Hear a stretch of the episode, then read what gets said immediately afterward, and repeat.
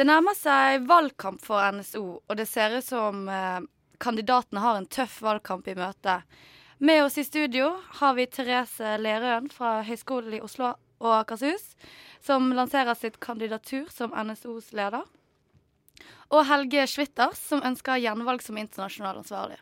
Velkommen. Takk. Tusen takk. Du, Therese, eh, hva var hovedgrunnen til at du ble med i NSO? Um, det starta egentlig med at jeg begynte å engasjere meg på Høgskolen i Oslo og Akershus i 2011. Uh, I studentparlamentet der. Uh, og så var det valg til NSO sitt landsstyre. Og jeg syns det hørtes veldig spennende uh, ut å få lov til å jobbe med nasjonal politikk. Så det starta en interesse på høyskolen, før det videreutvikla seg til å bli en interesse for å bidra inn i den nasjonale studentpolitikken. Hvorfor ønsker du å bli leder for NSO, og hva gjør deg egnet til lederstillingen?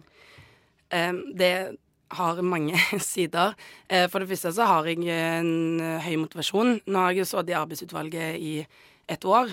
Uh, og dette året har vært prega av veldig mye diskusjoner om sammenslåinger av både fagmiljøer og universiteter og høyskoler. I tillegg til store diskusjoner om hvordan man i sektoren prioriterer penger til utdanning. Og det har gjort til at, blitt, at, det har blitt et ganske tungt faglig år, med mye fokus på dette. Sånn at det neste året er et litt friere politisk år. Eh, og der ønsker jeg å løfte en større bredde av politikken til NSO, som kanskje har lidd litt under det at det har vært veldig fastlåst i år. Um, og jeg tror altså hvis man, Dersom organisasjonen ønsker et sånt skifte, så krever det òg friske øyne. Eh, og det tror jeg at eh, jeg har. I tillegg så er det store interne um, forandringer som skal gjøres i NSO. Vi skal gå over fra et landsstyre med 44 representanter til et sentralstyre med 13. Uh, I år har vi jobba mye med å forberede dette. Uh, og det neste året blir det viktig å få den overgangen til å bli best mulig.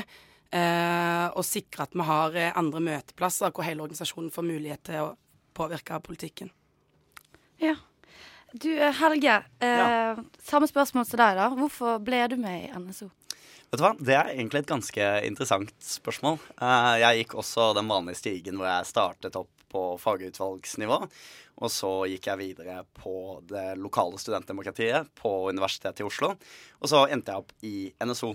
Uh, først og fremst så Altså, jeg gikk veien via landsstyret. Uh, hvor jeg egentlig satt og var en skikkelig pain in the ass for det arbeidsutvalget som satt da fordi jeg stort sett var i opposisjon til det meste. Jeg kommer jo fra Venstrealliansen på UiO, som alltid har hatt en litt sånn annen tilnærming til studentpolitikk.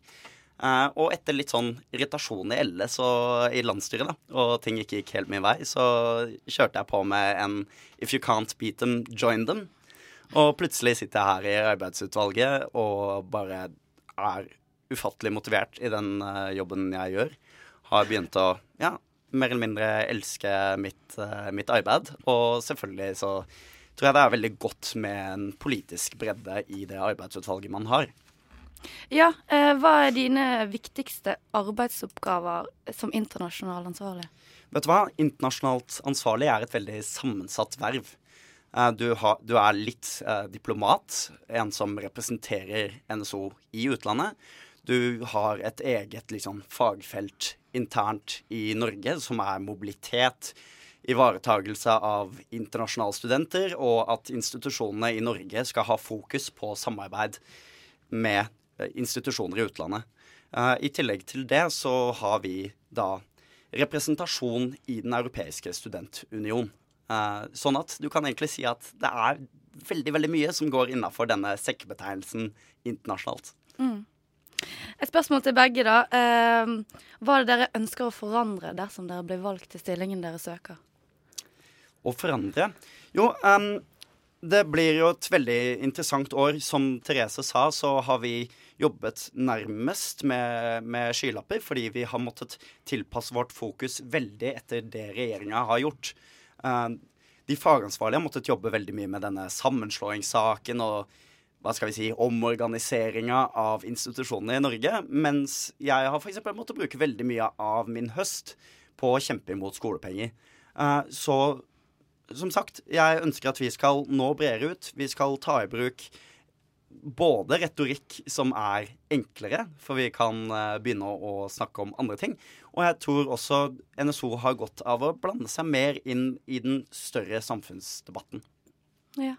Nå var jo Helge litt uh, inne på det. Jeg var i det sjøl òg i starten. Altså, det er mye av det jeg ønsker å forandre, er nettopp det å løfte en større bredde av politikken.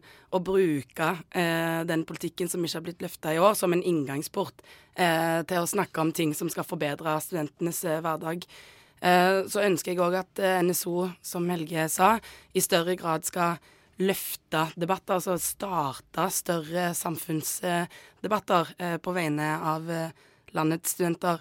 Og det var jo en sak i Universitas òg om byråkratisering av språket, eh, hvor NSO har et ganske tungt språk. og det, det, det, er en tilbakemelding vi er nødt til å ta på alvor, og tenker også å bruke det neste året på å gjøre det vi kan for å forenkle språket. For det må jo være et mål at studentene, som tross alt er de vi representerer, skal kjenne seg igjen i det vi snakker om utad. Ja. Um, hva er hva er studenthverdagens største utfordringer, da? Altså, hva, hvilke problemstillinger sitter dere med?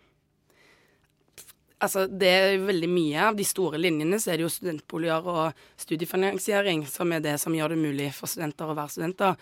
Eh, nå kom det en eh, ny europeisk rapport i går eh, som viser at 43% av norske studenter eh, betegnes som i en alvorlig økonomisk situasjon.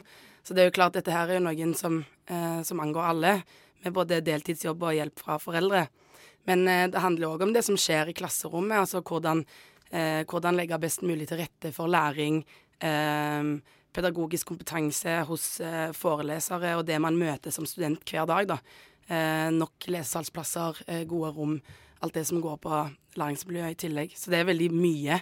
Men av det store er det jo altså bolig og studiefinansiering. Mm. Nei, altså det som er en annen veldig veldig viktig problemstilling er at Norge ligger i internasjonal topp når det kommer til frafall av studenter. Uh, og dette er også en stor utfordring, både for de studentene det gjelder, fordi det er åpenbart negativt for, for den enkelte student å falle fra, men også økonomisk for, uh, for, Norge. Og det tyder jo på at det er noe galt i uh, vårt utdanningssystem. Jeg tror det har å gjøre med at studenter i en for liten grad føler seg inkludert i det de gjør. At du blir litt sånn rådvill. Vi kjenner Altså jeg tror veldig mange som har studert der, kjenner seg litt igjen i den Blindern-følelsen, hvor du trasker rundt eh, blant byggene og ikke helt vet hvor du skal hen og hva du skal gjøre. Og jeg tror at den følelsen finnes på veldig mange eh, utdanningsinstitusjoner, og er noe som må jobbes veldig med. Ja. Nei, eh, apropos studentboliger, så har vi en gladnyhet der eh, med tanke på budsjettet som er blitt fremlagt. Så det er jo bra. Mm. Jeg vil bare gjerne si takk til dere, og takk for at dere kunne komme. Sjøl takk. Ja, veldig da, hyggelig å være tilbake. Er så bra. Eh, så da kommer en ny sang her. Det er fra A-listen her på Radio Nova, 'Broen' med 14.